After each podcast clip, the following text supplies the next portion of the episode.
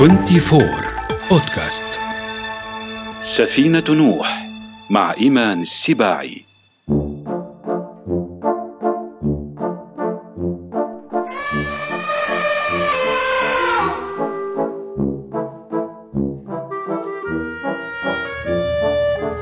كنت سعيدة بوجودي في قلب البحر على عكس أمي التي أصابها دوار البحر فلم تغادر غرفتنا على متن المركب اليوناني.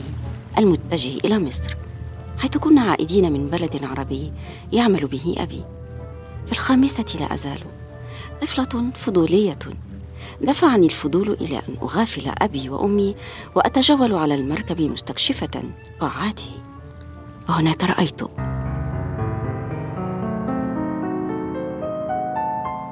اقتربت منه ووقفت أمامه على أطراف أصابعي حتى تصل إليه كفاي الصغيرتان لمست مفاتيحه البيضاء ثم ضغطت برفق عليها. كانت المرة الأولى التي أسمع فيها صوت بيانو حقيقيا أراه بعيني.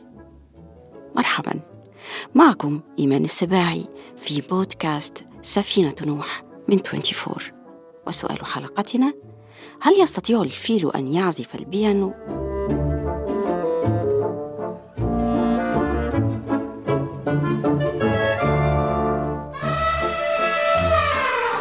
لكن قبل أن نتحدث عن الفيل والبيانو أريد أن أحكي لكم حكاية الفيل والملك. في مدينة بعيدة كان لأحد الملوك فيل مزعج تسبب في حوادث كثيرة مثل التعدي على الناس وإتلاف المحاصيل مما سبب غضب السكان وفزعهم. فقرروا أن يذهبوا إلى الملك ويشتكوا الفيل. وعندما وصلوا إليه تقدمهم أحد السكان ويدعى زكريا قائلا الفيل يا ملك الزمان. وانتظر حسب الاتفاق أن يبدأ الحاضرون بتعداد جرائم الفيل. لكن لم يتكلم أحد. واستمر زكريا يقول ويكرر متلعثما الفيل يا ملك الزمان. الفيل الفيل يا ملك الزمان. وخاف هو أيضا أن يتحدث. فغضب الملك وسألهم عما فعله الفيل. كانوا يعرفون كم يحب الملك فيله. ويدلله ويزينه. لذا وبدلا من أن يشتكوا الفيل طلبوا من الملك أن يزوجه لأنه يشعر بالوحدة. طبعا وافق الملك. وأصدر فرمانا بالبحث عن فيلة هندية يتزوجها فيلو. الفيل يا ملك الزمان مسرحية ألفها الكاتب السوري الراحل سعد اللونوس ترى هل تحب الملوك الأفيال؟ في كتاب هندي قديم نقشت عبارة تقول بهي هو فيل يمتطيه ملك وجليل هو ملك يمتطي فيلا. الفيل أضخم حيوان أرضي حتى إنه يبدو كحيوانات الأساطير. وقد ظل لألفي عام رمز الإمبراطورية والسلطة. ففي الهند مثلا بالإضافة إلى كونه مقدسا في بعض الديانات عظمه الملوك مثل جلال الدين أكبر. أحد ملوك المغول الذين حكموا الهند. اقتنى أكبر أكبر مجموعة أفيال اقتناها ملك وقد ورث عن جده البراعة في ترويضها وكان يقدرها ويراها أكثر ذكاء من الخيول. أما الإسكندر الأكبر فلم ترهبه فيلة أعدائه الأسيوية وانتصر عليها في معاركه ثم اقتنى منها مئة فيل وأرسل مجموعة منها إلى معلمه أرسطو وبالطبع كانت هذه الفيلة مفيدة للفيلسوف والعالم اليوناني أرسطو وهو يكتب مؤلفه الضخم تاريخ الحيوان الذي أخذ عنه الجاحظ في كتابه الحيوان. ويذكر فيه الجاحظ أن الأفيال أشرف مراكب الملوك.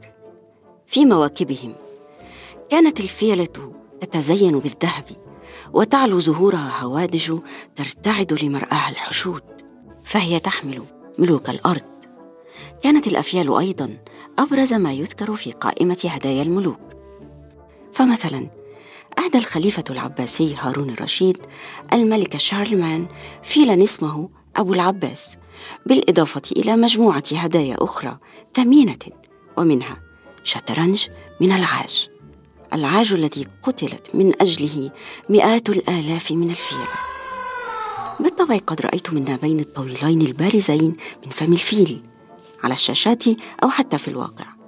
وفي الفيلة الأفريقية هذان النابان أكبر وزنا.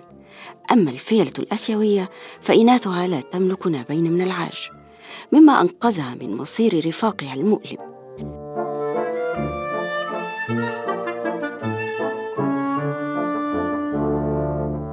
يساعد النابان الفيل في الحصول على الغذاء والدفاع عن النفس ضد الأعداء والحفر. وبسبب هذه المادة غالية الثمن طارد الصيادون الفيلة وازدهرت تجارة تنافس التجارات الممنوعة كتجارة الأسلحة مثلا. ويستخدم العاج في صنع حلي فاخرة ومنحوتات باهظة الثمن. لا يغير الزمن من رونقها وألوانها كما يستخدم في صنع كرات لعبة البلياردو. وحتى خمسينيات القرن العشرين كانت تصنع من العاج مفاتيح البيانو البيضاء. التي لم تكن بيضاء ناصعة بالطبع بل بلون العاج. لكن بعدها استخدمت بدائل وحظرت تجارته كما حظر استخدام وبيع أي بيانو يدخل العاج في صنعه. لكن هذه القوانين لا تزال مخترقة من قبل مافيا العاج في العالم.